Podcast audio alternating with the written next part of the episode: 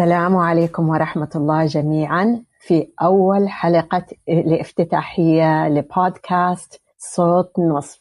أعرفكم بنفسي مي صالح المزيني المؤسس والرئيس التنفيذي للمركز العربي لتمكين المرأة نصف. مركز نصف هي مؤسسة اجتماعية متخصصة في إعداد وتأهيل الكوادر النسائية للوصول إلى القيادة التنفيذية. ومساعدتها على تنمية ذاتها شخصيا أولا ثم مهنيا في قطاع الأعمال فضلا عن إحداث تأثير اقتصادي واجتماعي إيجابي داخل مجتمعنا. والتمكن من المساهمة في تحقيق رؤيتنا 2030 واللي تسعى لرفع نسبة مشاركة المرأة للقيام بدورها الحيوي والوطني في تعزيز التنمية الاقتصادية المستدامة والتي تؤدي إلى تحسين جودة الحياة في المجتمع عبر توظيف جميع موارده البشرية ومن ثم تحقيق الرخاء الاقتصادي. ومن هنا أطلق اسم نصف على المركز ليكون شعاره نستثمر في نصف المجتمع. أنا حابة اليوم أعرفكم على وحدة زميلة شابة هي الدكتورة هناء المعابد باحثة نوعية تتناول في دراستها مفاهيم اقتصاد المرأة والتعليم والعمل والشباب في مملكتنا الحبيبة ودول الخليج. هي زميلة في مركز الملك فيصل للبحوث والدراسات الإسلامية وزميلة مشاركة في تشاتم هاوس هي أيضا زميلة أبحاث زائرة في مركز الشرق الأوسط بجامعة لندن للاقتصاد والعلوم السياسية LSE حيث أنها تدير مشروع حول سياسات التعليم في المملكة. لديها أيضا العديد من المنشورات الأكاديمية بما في ذلك الشباب وخيارات التعليم المهني في مملكتنا. إضافة إلى أنها عندها منشورات أخرى هي صناعة التعليم العالمي في المملكة أيضا هي مع الدكتور وايزمان بعنوان المراجعة السنوية للتعليم المقارن والدولي إضافة إلى إصدارات أخرى مختلفة مع مركز الملك فيصل. بما في ذلك شاركت في تأليفها مع الدكتور مارك الوظائف الجيدة والوظائف السيئة في المملكة. أنا سعيدة جدا جدا وفرحانة إنها موجودة من ضمن فريق نصف وحابة الآن أعرفكم عليها. أهلا يا دكتورة هناء. أهلا وسهلا فيك أستاذة مي وكل الشرف لي بصراحة أني أكون جزء من المركز ومن هذه الرؤية المهمة وشيقة بصراحة يعني. فأنا ما أعرف كيف أعبر عن فرحتي للانضمام إلى هذا الفريق رائع صراحة أنا في رأيي لما يكون نساء سعوديات يضمون عقولهم مع بعض تحدث انفجار جميل ها يكون في فائدة للمجتمع ولنا والجميع إن شاء الله. شكرا. آه، إضافة إلى أن الدكتورة هناء آه، هي رئيسة البحوث في مركز نصف هي أيضا المعدة واللي بتدير حلقات صوت نصف. فشكرا أنك أنت وافقتي وخير من يمثلنا يا دكتورة. بإذن الله وإن شاء الله أكون عند حسن الظن. فإذا ممكن نبدأ الآن في تقديم صوت نصف كبودكاست والهدف من البودكاست في حلقتنا الأولى هذه نتعرف شوية عن المبادرة ونتعرف على الفكرة من البودكاست نفسه. يعني حابة أول شيء أن نبدأ في الحلقة الأولى بالتعرف عليك المؤسس والرئيس التنفيذي للمركز. وأيضا نتحدث قليل عن طبيعة الدعم آه، اللي حصل عليها مركز نصف من المجتمع وأهمية مشاركة المجتمع في دعم المرأة وتحقيق التوازن المجتمعي. وأخيرا حابة نتناول بعض التحديات أو نتكلم عن بعض التحديات الشائعة اللي نواجهها كسيدات في مكان العمل وفي المجتمع بشكل أوسع. كانطلاق لنوعية النقاشات اللي إن شاء الله راح تكون طبيعة النقاشات في الحلقات القادمة باستضافة ضيوف مختلفين لإبراز قصصهم والتحديات اللي هم يواجهونها. فإذا نبدأ بالتعرف عليك أستاذة مي ممكن تحدثينا شوي عن تسمية المركز باسم نصف وعن الدوافع اللي أدت إلى تأسيس المركز. طيب مركز نصف هي كانت فكرة من قبل عشر سنين بحيث أني أنا كنت أشوف أن الدولة كانت كثير تستثمر في المرأة. طبعا آه، من المدارس ببلاش الجامعة مو بس ببلاش يعطونك فلوس عشان تدرسين. هذه غير البعثات غير هذا. ومع ذلك كنت أشوف أن المرأة ما تشارك في اقتصاد وبناء وطنها بالمستوى المطلوب. أنت ما أدري دكتورة إذا تعرفين أن المرأة السعودية هي الأولى على المستوى العالم العربي في التعليم ومع ذلك مشاركتها في الاقتصاد تعتبر ضعيفة فأنا يعني حابة أشوف والحمد لله يعني أنت دحين شريكتنا تساعدينا نشوف إيش أسباب عزوف بعض النساء عن المشاركة في اقتصاد وطنهم. فبناء عليه أسسنا مركز نصف وكان شعاره نستثمر في نصف المجتمع فلقيت إن الدولة ما قصرت.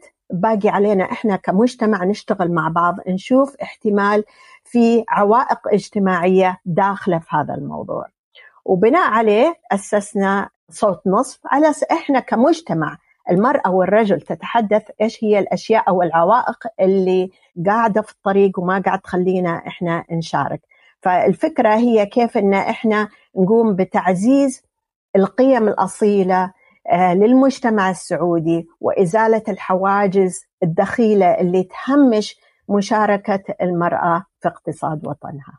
جميل جدا بس أبغى أسألك أنت إيش الأمثلة اللي أنت ممكن تذكرين لنا إياها من خلال خبرتك وعملك اللي شفتيها بعملك اللي ترسم لنا صورة أوضح من التحديات اللي تواجهها المرأة لأن المجتمع اليوم مع الرؤية كثير من الأحيان نسمع خلاص المرأة أخذت نصيبها من التمكين والمرأة تمكنت وهي أصلا يمكن لها الأولوية في الوظائف. فليش إحنا الحين قاعدين نستثمر في المرأة لما الرؤية حطت الأولوية للمرأة وإن المرأة أخذت وظائف؟ هذه هي موجودة في كل مكان وأخذت المناصب اللي أصلا الرجال كانوا أول هم اللي يشغلونها صاروا هم اللي يبحثون عن العمل العزوف عند الرجل مش عند المرأة. فإيش ردة فعلك لهالفكرة؟ وهل عندك أمثلة من خلال خبرتك أنت السابقة في العمل وخبرتك الحالية طبعا في مركز نصف وفي مواجهة هذه المغالطة أو الفالسي اللي ممكن نسمعها كثير. بالفعل المرأة أخذت حقها من نصيب الدولة.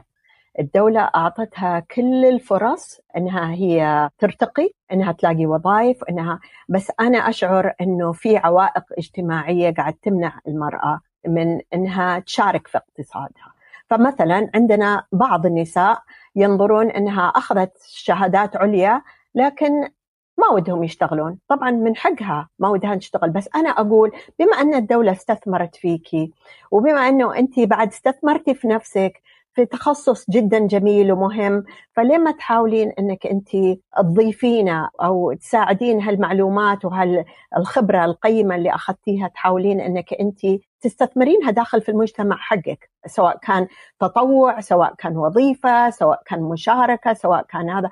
أنا أحس إن عندنا كمية الموظفين الأجانب اللي موجودين في السعودية أكثر من النساء اللي قاعد يشتغلون في المملكة، فأنا أحس إنه هذه الوظائف لو أخذتها نساء بما أنهم هم مثل ما قلت لك رقم واحد في العالم العربي ورقم عشرة عالميا، فودي إن مشاركتهم تصير قد تعليمهم، هذا اللي كان ودي.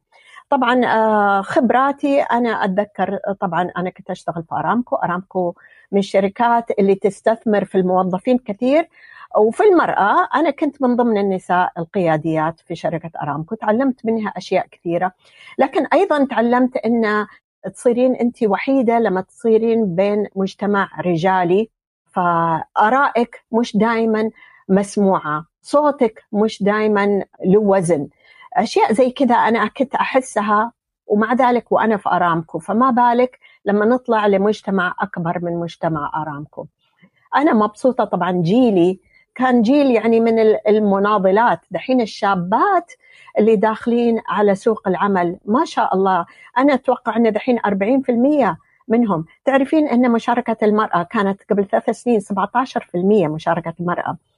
إحنا في 2030 ها حاطينها في الرؤية أنها تصير توصل إلى 30% الحين وصلنا إلى فوق 33% يعني أنا أتوقع أن لما نوصل ل 20 30 اللي هو باقي ثمانية سنين علينا إن إحنا بنعدي يمكن نعدي 40% فجد جميل جدا إن نشوف مشاركة المراه فالأشياء مثلا الأعراف اللي كانت في زمني كانت غير مقبولة أشوفها الآن مقبولة وأنا مبسوطة. مبسوطة للشابات اللي في سنك يا دكتور ومبسوطة للشابات اللي أصغر بعد المستقبل قدامهم كبير.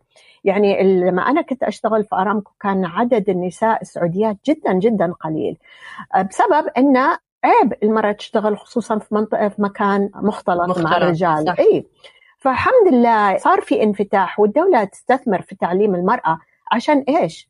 صحيح مهم إنها تتعلم بس عشان كمان ترد الجميل أنا عندي زميلة زميلة شابة ما شاء الله عليها عندها دكتوراه في تخصص نادر جايبة مع مرتبة الشرف أبوها كان فخور فيها جدا وسوى لها حفلة كبيرة.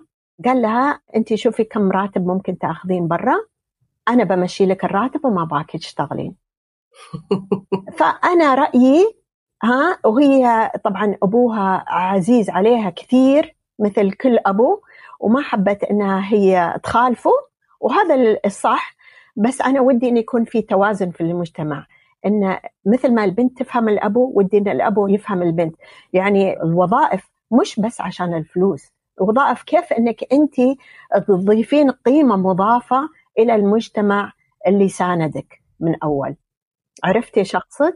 مية بالمية ويمكن القيمة المضافة أصلا تكون للشخص نفسه. يعني ممكن تكون للمجتمع وهذا شيء مهم. صح. بس التغذية الراجعة الإيجابية اللي يحصل عليها الشخص من خلال العمل والفرح والإحساس بالإنجاز وبالإنتاجية يخلق نوع جديد من الدافع أو من الحماس اللي الشخص ممكن بعدين يستثمره في مكان ثاني بحياته يعني صحيح. فأكيد إنه بالعكس التعزيز اللي ينتج عن عمل أحد يعني أنتج بنفسه اشتغل عليه أفكاره هي اللي صبت في العمل وبعدين يتعزز ويتكرم أو أنه أحد يذكر هذا الإنجاز أو ينسبه للشخص يخلق نوع جديد من الدافع.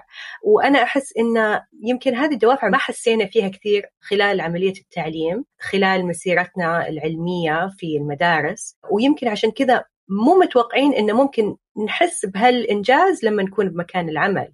فيعني في احتمال إنه كثير من العوائق اللي موجودة نابعة عن التجارب الحياتية اللي مرينا فيها اللي ما كانت يعني تدفعنا نحو العمل ونحو الإنتاجية، بالعكس كانت يمكن من طبيعة المشاركات الاجتماعية والتواصل مع الأشخاص المختلفين كنا نحس إنه في دور معين اجتماعي إحنا لازم نقوم فيه.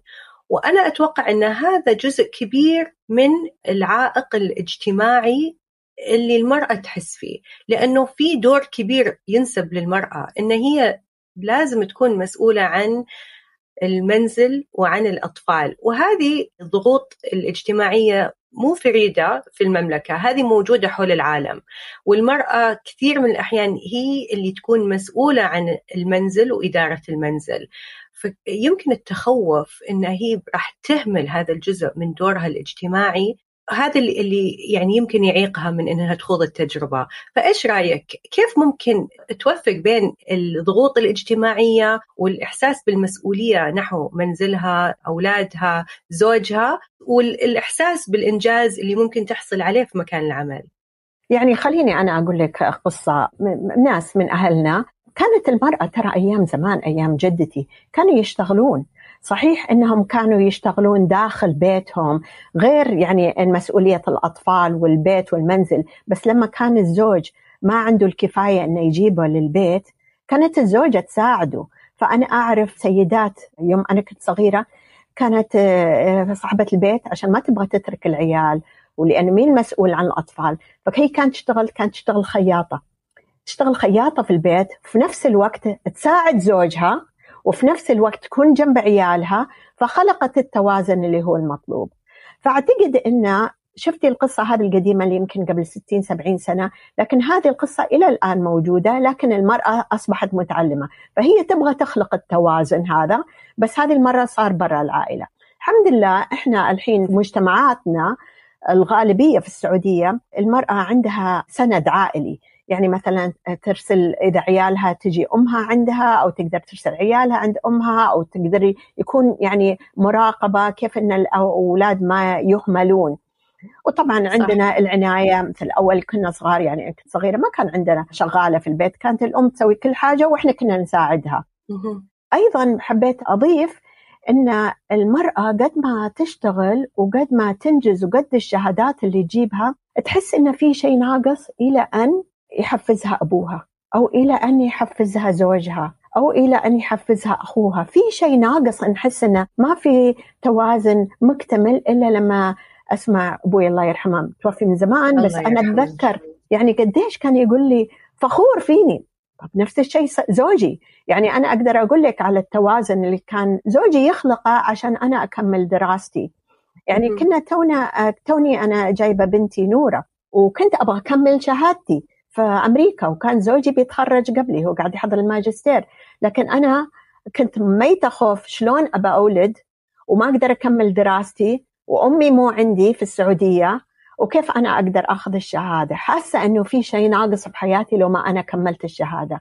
زوجي إيش كان يسوي؟ كان طبعا يخليني أروح لل class وهو يجي معايا بس يقعد في السيارة مع بنتي نورة ويشغل الدفاية كنا في إنديانا يشغل الدفاية حقت السيارة. وتقعد تتحرك ال engine الماكينة إلى أن أنا أخلص ال class حقي وأجي أنا قاعدة في السيارة معاها عمرها شهر وهو يروح ياخذ ال class حقه. يعني أنا أعتقد إن هذا مثال للتضامن مثال انه هو سند. فودي أدور على الرجال اللي هم سند للنساء في حياتهم. ترى كثيرين بس ما نحكي عنهم. فودي ان صح. نتكلم أكثر عن الرجل خصوصا لأن أنا أقول لك لو ما أسمع الحافز حق أبوي الله يرحمه ولا حق زوجي ولا حق أخواني أحس إنه في شيء ناقص ولذلك المرأة صح. تحتاج إن الزوج يكملها أو الرجل يكملها عشان يكون هذا التوازن اللي قلت لك عليه قصتك أول شيء يعني في مشاعر كثيرة أنا قاعدة أحس فيها بس قصتك مرة مهمة ليش؟ لسبب أساسي اللي يمكن كثير من الأحيان ننسى إن نركز على نقطة إن تمكين المرأة لا يساوي تهميش الرجل بالعكس هو تضامن الرجل والمرأة مع بعض للوصول إلى التوازن المجتمعي أيوة وإلى النجاح في المجتمع كشكل كامل. يعني نقطة ثانية يعني لما نجي نشوف أنه محاربة مثلا مشاركة المرأة الاقتصادية ناتجة عن التخوف من الاختلاط في مكان العمل أو التخوف من الإهمال آه، إهمال الأطفال أو أو المنزل أو أي تخوف آخر ممكن يكون موجود. يعني الفكرة أن كثير من الأحيان ممكن إحنا نلاقي بديل للمرأة مو لازم المرأة هي اللي تشتغل هذا يكون الحل. بدل ما إن نشوف كيف ممكن كل أحد يحط المصادر اللي موجودة في المنزل أو في العائلة مع بعض عشان نقدر نتوصل إلى توازن المرأة والرجل ما يتنافسون مع بعض يكملون بعض. هي الفكرة هذه تكاملية جدا دكتورة. يعني مثلا أنا قلت لك على زميلتي هذه اللي عندها دكتوراه بشهادة وهذا. طبعا هي قررت أنها ما تبغى تشتغل عشان ما تبي تزعل أبوها وهي حست أنه هذا هو التوازن. بس أيضا إحنا لازم نشوف طريقة كيف أنها هي تشارك في اقتصاد الوطن. ودحين الحمد لله التكنولوجيا اللي موجودة الآن الواحد يقدر يشتغل من البيت يقدر يشتغل ففي طرق أن المرأة ممكن أنها تشارك في اقتصاد الوطن. أنا ما أتكلم عن المرأة أنها فقط تطلع من بيتها. أنا أتكلم عن الطاقات العقلية اللي موجودة عند المرأة كيف الطاقة العقلية اللي استثمرت فيها الدولة كيف أنها هي تقدر تصبها في اقتصاد وطنها. يعني أنا أحس إن في نقطة ثانية يمكن من قصتك اللي ذكرتيها عن كيف المرأة بالسابق كانت تعمل وكان يعني كانت تدعم الاقتصاد العائلي إذا كان في عزوف. دور الشركات اليوم بشكل كبير تغير عن أول. فيعني يمكن مرة ثانية أذكر النقطة أنه مهم إن نعرف إن المملكة مو المكان الوحيد اللي فيه تحديات بس يمكن تحدياتنا تختلف وأكيد تحدياتنا تختلف لأن مجتمعنا لا آه، طبايع مختلفة عن المجتمعات الثانية. ولكن تحديات مشتركة إنه كيف ممكن ألقى طريقة إني أشتغل من غير ما أهمل المسؤوليات الثانية وكيف ممكن ألقى طريقة إني أشارك بالاقتصاد. فالشركات دورها مثلا في دعم ضيافة الأطفال. الشركات دورها في دعم الإجازة إجازة الأمومة أو الحمل. الشركات ممكن تدعم بطرق ثانية المرونة في ساعات العمل. طبعا أكيد أنه هذه نقلة راح تحصل على مراحل وصعب إن مرة واحدة كل الشركات تغير سياساتها وطبيعة العمل فيها. ولكن خلق بيئة عمل. تدعم المرأة راح تخلق بيئة عمل تدعم جميع الموظفين. بالفعل. وراح يزيد من إنتاجية الشركة في النهاية لأنه الشخص بعد إجازة الأمومة راح يرجع إذا حس أن بيئة العمل مناسبة. ففي تخوف أحيانا من أن المرأة ممكن تجي فترة وبعدين تمشي وخلاص ما راح أشوفها مرة ثانية وأنا استثمرت فيها ودربتها ووظفتها وحطيت لها مكتب وكل شيء. وبعدين خلاص أول ما تجيب أولاد راح تختفي. فإيش رأيك أيه. من هالتخوف؟ أنا أتذكر لما كنت في أرامكو أتذكر بعض الموظفين إذا جو يبغوا يوظفون واحدة شابة مو متزوجة يشيلون هم إنها بكرة بتتزوج وتتركنا إحنا ليش نستثمر فيها؟ أو إذا الوحده متزوجة بكرة بتحمل وتجيب عيال شلون إحنا راح نستثمر فيها؟ فالفكرة إن هم مهددين إن المرأة إنها بتتركهم فيفضلون إنهم يوظفون رجل بدالها. طيب آه، عبر السنين أثبتت المرأة إنها تزوجت جابت عيال ما أهملت الشغل وبالعكس والدليل على إيش يقولوا لنا أخواننا الرجال يقول لك المرأة بالفعل نحن نقدر نعتمد عليها في أشياء كثير خصوصا في الزمن هذا اللي تقدرين تشتغلين من بيتك. أكيد. يعني في شيء عجيب إن قدرة المرأة الطاقة الاستيعابية حقتها كانت رائعة كيف إنها هي تقدر توازن بين أشياء كثيرة. يعني فوق ما إنها تشتغل ثمانية ساعات في العمل ترجع لوظيفة ثانية اللي هو تدريس الأطفال أو أن اهتمام في أهلها اللي كبار بالسن أو أنها تحضر غداء أو تطبخ أو شيء هذا. القدرة هذه اللي يخليها تقدر تسوي هذه الأشياء معناته في قدرة أنك أنت تثق فيها أنها هي تقدر تعمل اللازم وأكثر. ومع ذلك مع ذلك يعني آه، أنا قلت لك إحنا صغار ما كان عندنا شغالات. هنا. بس كان الوالد يساعد كان يسوي أشياء. فكان في لا نقول إن هذه أشياء دخيلة ترى من زمان يساندون بعض الأم والأبو. وبعدين على فكرة أنا لما اشتغلت مع أرامكو قبل 25 سنة كان بعض الزملاء ما يرضون إن بناتهم يشتغلون. كان عيب اختلاط مع الرجال. هم نفسهم هذول الأخوان جايين يسألوني إذا في وظائف لبناتهم. فهذا دليل إن إحنا قاعد نتغير قاعد نتحول الأشياء اللي كانت ثقافة العيب لما يأثر على اقتصاد وما يأثر وأنت عارف إن الشخص اللي اشتغل معك طول الفترة هذه امرأة مسؤولة وعندها يعني تركيزها كله على البزنس فما راح يتأثر. لا تخافون خلي عندكم ثقة في النساء انهم هم يقدرون يسوون الواجب وأكثر وزيادة. مثل ما قلت لك خالتي تشتغل خياطة في البيت عشان تساند زوجها. واحدة ثانية باعت مجوهراتها حقت الشبكة حقتها عشان تساند زوجها. ففي طرق كثيرة أن المرأة لازم تساند الرجل ونفس الشيء لازم الرجل يساند المرأة. مستحيل مستحيل مستحيل أن كرسي يكون على رجلين. ها فلازم يكون في توازن في المجتمع ولازم المرأة تساعد الرجل والرجل يساعد المرأة. كنت بقول لك على معلومة الشركات اللي يكون فيها نساء موظفات يساعد في ال creativity اللي هو أفكار متطورة. والإبداع بالتفكير. بالضبط والإبداع. م. أيضا الشركات اللي عندهم نساء تكون 21% البروفيت حقتهم أكثر اللي هي الأرباح أرباح الشركة الشركة اللي يكون فيها نساء موجودة تكون شركة فيها أرباح أكثر من الشركة اللي يكون فقط رجال. توظيف النساء يزيد من أرباح الشركة ومن إنتاجية الشركة. صح. ففي أشياء كثيرة تساعد. فإحنا مثل ما قلت لك كل الأشياء اللي قاعد نتكلم عنها كمجتمع عشان نرفع من اقتصاد وطننا. فهذه مسؤولية علينا. إحنا نشتغل آه مثل ما استثمرت فينا جاء دورنا إن إحنا نرد الجميل مرة حلو. في سيدات كثير أثبتوا إن دورهم بالشركة راح يزيد من الأرباح والإنتاجية وكثير من النساء أثبتوا إذا طلعوا إجازة راح يرجعوا. ولكن في كثير من النساء ما زالوا في دوامة العيب ودوامة الفكرة إنه أنا دوري يختلف عن دور الرجل. ونضع الرجل في قالب والمرأة في قالب. بدل ما إن نشوف إنه هم ممكن يكملون بعض وكل واحد ممكن يضيف للثاني للحين نشوف إنه الأدوار مستقلة عن بعض ولذلك طبيعة الوظائف اللي راح تشتغل فيها المرأة لازم تكون مختلفة عن طبيعة الوظائف اللي يشغلها الرجل أنت إيش ردة فعلك لهالفكرة؟ أنا أشوف أن في بعض النساء وأنا أعرفهم هم بعض الناس قلة صراحة كنت أشوفها الآن لأنه 70% من الشباب دحين دون سن الثلاثين. فدحين انفتاح صار أكثر ومشاركة أكبر. بس أنا أعرف نساء في جيلي عندهم صح أن أنت تشتغلين ما في داعي. أنت قاعد تاخذين مكان رجل. المفروض هو يدور على الوظيفة المفروض أنك أنت تاخذينها. بس ساعات تلاقين المرأة هي تكون ضد المرأة نفسها. فأنا رأيي انه طيب إذا أنت ما تقدرين لا تمنعين غيرك. وبعدين الفرص موجودة للمرأة والرجل حسب الكفاءات.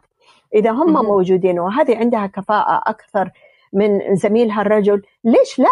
هي في النهاية قاعد نعمل لداخل شركتنا أو داخل مؤسستنا أو داخل البزنس حقنا عشان يصير في دخل أكبر عشان هي تقدر كمان تزيد نسبة مشاركه المرأة.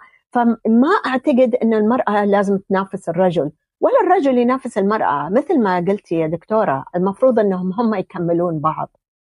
وأكيد انه يعني فكرة إنه في عدد ثابت من الوظائف هي فكرة غلط، يعني هي مغالطة شائعة واصلا علم الاقتصاد ما يدعم هذه الفكرة، الوظائف تخلق وظائف أخرى، كل ما توظف شخص في وظيفة ثانية راح صحيح. تخلق. فأكيد إن المرأة ما قاعد تاخذ وظائف الرجل بالعكس. وبعدين أشوف المرأة هذه ما تنتقد مثلا إن المرأة قاعد تاخذ وظيفة شخص أجنبي جاي للمملكة. لا هي تنتقد إنها تاخذ آه، وظيفة زميلها الرجل. بس ما انتقدت إنها هي قاعد تاخذ مكان وظيفة لغير سعودي. فالمفروض إن إحنا نكون متضامنين عشان نرفع من اقتصاد بلدنا. مية بالمية. يعني يمكن الأجانب يضيفون قيمة لاقتصادنا ولكن هي هذه هي الوظيفة اللي محدودية الزمن يعني ممكن تطبق عليها. لأن الأجنبي راح يرجع بلده. صحيح. المرأة حتى إذا طلعت ولدت راح ترجع إذا هي ممكن تضيف فائدة. آه ولكن الأجنبي إذا مشى خلاص وأصلا كثير من راتبه ما راح يبقى داخل المملكة. بالضبط. أصلا هم يرسلون رواتبهم كلها خارج الدولة. لكن المرأة راح تستثمر راح تشتري أرض راح تبني بيت راح تساعد زوجها إنه يخلصون بيتهم اللي قاعد يبنونه. راح تودي أولادها لأحسن مدارس راح تدخلهم في أحسن برامج يرفع من قيمتهم. فأنا أقول لا نقعد إحنا نتوقع إن الدولة كل شيء راح تسوي لنا إياه. هي استثمرت فينا عشان جاء دورنا إن إحنا نرد الجميل. أبغى أرجع لفكرة ذكرناها يعني من خلال القصص. قصة أنا يعني واجهتها خلال بحثي. قابلت امرأة صغيرة شابة كانت متخرجة عندها بكالوريوس وكملت في كلية تقنية قاعدة تتخصص بالأكاونتينج محاسبة؟ بالمحاسبة بالضبط. فكانت مكملة بكالوريوس وبعدين كملت في كلية تقنية تخصص محاسبة. حست إن شهادتها ما كانت تساعدها في مكان العمل وحبت إنها تاخذ شيء تطبيقي أكثر. وتقول إن أنا لقيت نفسي أصلا بالمحاسبة وحسيت إن الرياضيات كل اللي درسته بالجامعة كان شيء نظري أبد مو عارفة كيف أطبقه في مكان العمل. يعني كثير كانت تتكلم عن التدريب اللي قاعد تحصل عليه وإن كيف الحين قاعدة تتدرب في شركة. وإن الشركة مختلطة وهي توها انخطبت وأهل زوجها محافظين ورافضين فكرة إنها تشتغل بشركة مختلطة فكانت تقول إنه خلاص يعني أنا إذا خلصت تطبيق خلاص باخذ شهادتي وباخذ يعني شهادتي من الكلية وعندي شهادتي البكالوريوس ويعني شكوى لله خلاص إن أهل زوجي ما يبوني أشتغل مكان مختلط وما لق... ما أتوقع إني راح ألاقي يعني وظيفة أنا حابتها بشركة نسائية لأن أصلا قاعد تقل الفرص في الشركات اللي فقط تكون نسائية. فإن شاء الله راح أعلق شهادتي بالمجلس وأستثمر كل وقتي بتربية أولادي بأحسن طريقة لأن أقدر أستخدم المهارات اللي أنا تعلمتها من خلال التدريب ومن خلال الدراسة الجامعية في تأهيل أبنائي للمستقبل إيش رأيك في القصة؟ شوفي أنا مع التوازن إذا هي حست أن الشهادة اللي تعبت فيها واشتغلت فيها وعندها حافز فيها قاعد يأثر على قرارات عائلتها الزوجية الجديدة. وأخذت هي قرار بنفسها من غير ما يطلب منها زوجها. أعتقد أنه هي وصلت للتوازن. بس ما ودي أنها هي داخل في قلبها غصة أنها هي انحرمت من شيء. ويمكن في المستقبل هالغصة هذه تطلع بطريقة أنها تطلع حرتها على عيالها ولا على زوجها ولا على أهل زوجها. فالحوار جدا مهم. فهي اللي سوتها أعتقد أنها تضحية وأنا أحيي فيها هذا الشيء ها بس أهم شيء أنها هي تكون مية بالمية. لأنه كمان مثل ما إحنا تكلمنا أن الوظيفة مو بس فلوس الوظيفة شغف الوظيفة حب أنك أنت تعملين وتطلعين من البيت وتأدين حاجة أنت شاطرة فيها. فما دام أنها هي وصلت لقرار زي هذا أحييه فيها لأنه في نساء كثير يأخذون القرار هذا ويعتبرون هذا ويعيشون مدة طويلة وهم في أتم سعادة. وأهم من واجب الاستثمار في العائلة ما في زي كذا أمانة صراحة أنها هي إذا هم كعائلة مستقرين ومتوازنين فبرافو عليها. يعني أكيد إن في طبايع للمجتمع يمكن تدعمها أصلا إنها تبقى بالمنزل صح. أكثر من إنها تدعمها إنها تطلع وتشتغل. فالتمكين وفكرة تمكين المرأة عبارة عن زي ما انت تفضلتي الوصول إلى التوازن المجتمعي والوصول إلى يمكن الفكرة إنه يكون عندها وعي كامل من إيش المتغيرات اللي موجودة وكيف هي ممكن تدعم عائلتها وتدعم نفسها بأكمل صورة أو أقرب شيء للكمال يعني. لأن أكيد ما في أي سيتويشن راح يكون 100% كل أحد واصل إلى أعلى شيء هو يبغاه ويتمناه لأنه أكيد في كومبرومايزز لازم الواحد يضحي شوي. بس الفكرة إنه لما نتكلم عن التمكين لازم نشوف طبائع المجتمع ولازم نتأكد إن فرص تكون قدامنا ونشوف إيش أحسن فرصة في الوقت اللي إحنا قاعدين نعيش فيه. لأن أكيد هذه الأشياء ممكن تتغير مع الزمن. زي ما أنت تفضلتي بالماضي يمكن كان في تحفظ كبير على عمل المرأة في مكان مختلط وصار في تقبل أكبر وبالعكس صار في بحث عن وظائف للبنات من قبل عائلتهم وأهلهم هم اللي يدورون لهم الوظائف وهم اللي يبتعثونهم للخارج صح. فهذه الأشياء كلها يمكن كانت بالماضي صعبة صارت الآن عادية فأكيد إذا هي لقت طريقة إنها تساير المجتمع بطريقة ما يأثر عليها سلبيا تنتظر مثلا فرصة تحصل عليها بالمستقبل هذا شيء بعد جميل. لازم نشوف السياق اللي إحنا عايشين فيه والفرص اللي موجودة وأكيد إن هي عندها قدرة بعدين إنها تضيف قيمة. إذا حصلت لها فرصة مختلفة أو ممكن تشتغل من المنزل زي ما أنت تفضلتي كبداية لها. إيه، يعني تعرفين الكلام اللي قلتيه قديش مهم؟ أنا أقول لك على ناس أعرفهم. سيدات آه، لما اشتغلت أنا في أمريكا فكانت في واحدة رئيسة المحامين. صار لها في المنصب هذا يمكن عشرين سنة ويعني لها قيمة وثقل في المجتمع القضاء. فالمهم وطبعا راتبها أعلى من راتب زوجها وعايشين بنعمة كبيرة. المهم قررت إنها هي تترك الوظيفة وترجع للبيت ترجع للأصل. وأتذكر إني سألتها إيش شعورك إنك أنت تركتي الباورفul جوب هذه ودخلتي في هذا؟ قالت لي أنا حاسة إني رجعت لأصلي لشخصيتي الحقيقية. كنت أول حاسة إني لابسة قناع.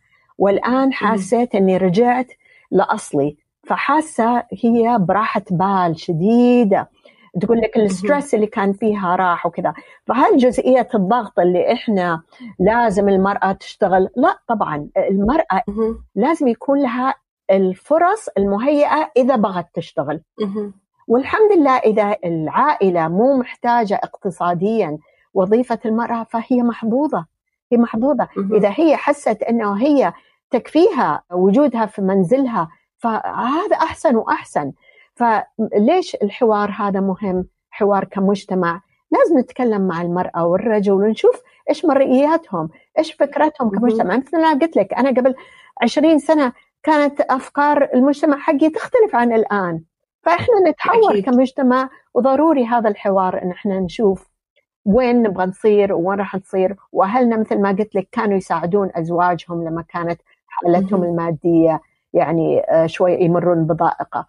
فإلى الآن المرأة تقدر تسوي نفس الشيء. ومو الفكرة حقت الكوربريت حياة الأعمال اللي تعيشها آه، دولة كابيتالست مثل أمريكا وأن المرأة يعني أنا أحزن ساعات عليهم. إحنا بالعكس صح. إحنا عندنا المجتمع مترابط عندنا عائلة مترابطة عندنا في سند يساعدك. ما تحسين إنك أنت مضغوطة ولا أهملتي طفل هنا ولا سندتي. فالحمد لله. بس مهم ان نتحدث لأن قاعد نمر بتحديات. هذه التحديات لازم نناقشها. مستحيل مستحيل المرأة تتقدم. يا هنا إذا ما كان يساندها الرجل. مستحيل. 100% يعني الرجل 100%. أول شيء إذا هي تعمل الرجل رئيسها. هو اللي بيعطيها الترقيات أو يرفدها على قولتهم. أكيد. المرأة يعني لها أبو هو اللي مثلا اللي بيدعمها أو لها زوج هو اللي بيساندها أو أخو هو اللي بيوصلها مثلا أو حتى ابن أكيد. قبل السواقة هو اللي كان يوصلها نفس الشيء. فمهم مهم كمجتمع إن إحنا نتعاون على أساس نوصل للتوازن هذا. لا يمكن إن إحنا نساء إنهم يرتقوا من غير مساندة الرجل وكمجتمع لازم نتحدث في المواضيع هذه مرة مهم الحوار جدا مهم أنا أعتقد أنه يعني ممكن نستخلص أكثر من يعني درس من الحوار اليوم آه، أول درس أنه لازم نهتم بالسياق والمكان اللي إحنا عايشين فيه والمتغيرات اللي موجودة في المجتمع اللي إحنا عايشين صحيح. فيه. إذا صارت في ضغوط اجتماعية وضغوط اقتصادية لازم نغير طريقة تفكيرنا شوي. حلو إنه يكون عندنا أمثلة من المجتمع عشان نقدر نتعلم كيف ممكن نتعايش مع هذه التغيرات اللي تتناسب مع السياق اللي إحنا عايشين فيه. والشيء الثاني ويمكن أهم نقطة إنه تمكين المرأة لا يعني تهميش الرجل وإنه التوازن والترابط بين المرأة والرجل هو المهم. وأكيد ثالث شيء الحوار جدا مهم وإن نتكلم عن هذه المواضيع بأريحية وشفافية مع بعض كمجتمع مرة مهم لأنه أكيد إحنا الآن قاعدين نتكلم بشكل عام جدا عن هذا الموضوع. ولكن ممكن وإن شاء الله في الحلقات الجاية نفصلها أكثر لما نجي نتكلم عن تجربة معينة تحدي معين عن طبيعة العمل المختلفة أو بيئات العمل المختلفة يعني أنا إن شاء الله متأملة أنه يكون في حوار مع مجموعة من السيدات اللي يعملون في مجال التعليم لأن هي أكبر فئة من السيدات وأقدم وظيفة لهم إيش التحديات اللي هم واجهوها نقدر نتعلم دروس صحيح. كثيرة صحيح. من هذه الفئة أو في طبعا مجال الطب أيضا. ومن جديد في فرص كثيرة للمرأة اختلفت عن الماضي وانفتحت لها أبواب. إيش التحديات اللي هي تواجهها في مكان العمل اللي طبيعة هذا العمل ما كان موجود أو فرصة المرأة للمشاركة في هذه الأعمال ما كانت موجودة لها؟ فيعني أنا أتوقع أن عندنا مواضيع كثيرة ممكن نتعمق فيها. لكن لازم نضيف لهم لكل القصص هذه لازم نكون نستضيف الرجل. هو مهم في توازن المجتمع. ولذلك نبغى أكيد. نسمع آرائهم إيش رأيهم؟ ممكن ضد ممكن مع بس مهم أن نسمع صح. جميع الآراء. إحنا كمجتمع لازم نحل قضايانا آه، داخل المجتمع. ما نجيب مؤسسات خارجية إنها تقعد الحوار لازم يكون داخلنا إحنا. تحليل قضايا اللي تمس فينا إحنا كمجتمع سعودي أكيد لازم يكون نابع عن ناس عاشوا التجربة وللحين قاعدين يعيشونها. فأنا أتفق معك 100% نستفيد كثير من النظريات ومن البحوث ومن التجارب خارج المملكة. بس فكرة البنش ماركينج وفكرة أنه دائما لازم نشوف التجربة اللي برا المملكة كيف نجحوا هم؟ يمكن ما راح تنطبق هذه النجاحات علينا أبدا. ما راح أصلا تنطبق هذه النظريات علينا لأنه التحديات اللي إحنا نواجهها تختلف. فأنا كثير استفدت من البحث في نظريات اجتماعية. ولكن ويمكن هذا شيء جميل من الجامعة ومن المشرف على بحثي للدكتوراه وتعلمت هذا الدرس يعني من بدري إنه وين الثغرات؟ كيف هذه النظرية ممكن تدعمني في فهم اللي موجود في مجتمعي؟ وكيف ممكن أنا وتجربتي في المجتمع ممكن تغير من هالنظرية عشان تنطبق على فئة أوسع؟ فهذه الطريقة اللي أنا صرت أنظر للمجتمع فيه إنه أوكي حلو أنا ممكن أستفيد من هذه التجربة ولكن أنا تجربتي وحياتي ومجتمعي علمني إن هذه التجربة ما راح تفيدني ابدا في تحليل أو في الوصول إلى فهم أعمق للتحديات اللي أنا قاعدة أواجهها. واحتمال نقدر ناخذ منها أجزاء تقدر تساعدنا أكيد أي بس أكيد. انه نطبقها على مجتمعنا. إحنا نتحور كمجتمع ونتغير ولا يمكن إن إحنا نتقدم من غير ما إحنا نناقش تحدياتنا مع بعض. قبل لا نناقش الأشياء اللي الحمد لله قصص النجاح كثيرة. وحلو إن إحنا نتكلم قصص النجاح لكن ضروري نتكلم عن التحديات ضروري نتكلم عن المشاكل اللي إحنا قاعد نعانيها وكيف نتغلب عليها مع بعض من غير ما نلجأ إلى صحيح. شيء برا. أكيد. لأنه كثير من الأحيان يمكن آه، من طبيعة الشخص إنه يبغى يبرز اللي موجود ويبغى يبرز الجميل والأشياء التحديات هذه يبغى يخفيها لأنها أول شيء صعب التعامل معاها.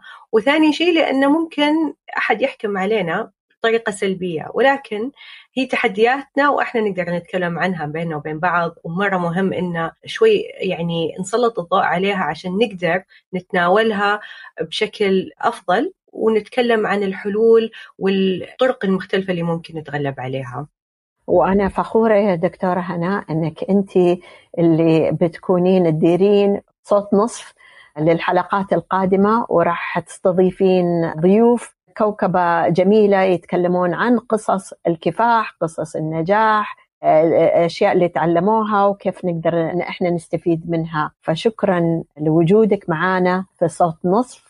وهذه أول حلقة. آه، بس تعارف نعرف المستمعين إحنا كيف برامجنا وكيف راح نمشي وكيف راح نستانس مع بعض إن شاء الله كمشتغل. بإذن الله. العكس آه، هذه إن شاء الله بداية لنقاشات كثيرة. وطبعا إن شاء الله ان تتمحور طبيعة المواضيع اللي راح نتناولها حول ركائز اللي نصف أصلا مبنية عليها اللي هي التأهيل والبحث والتواصل.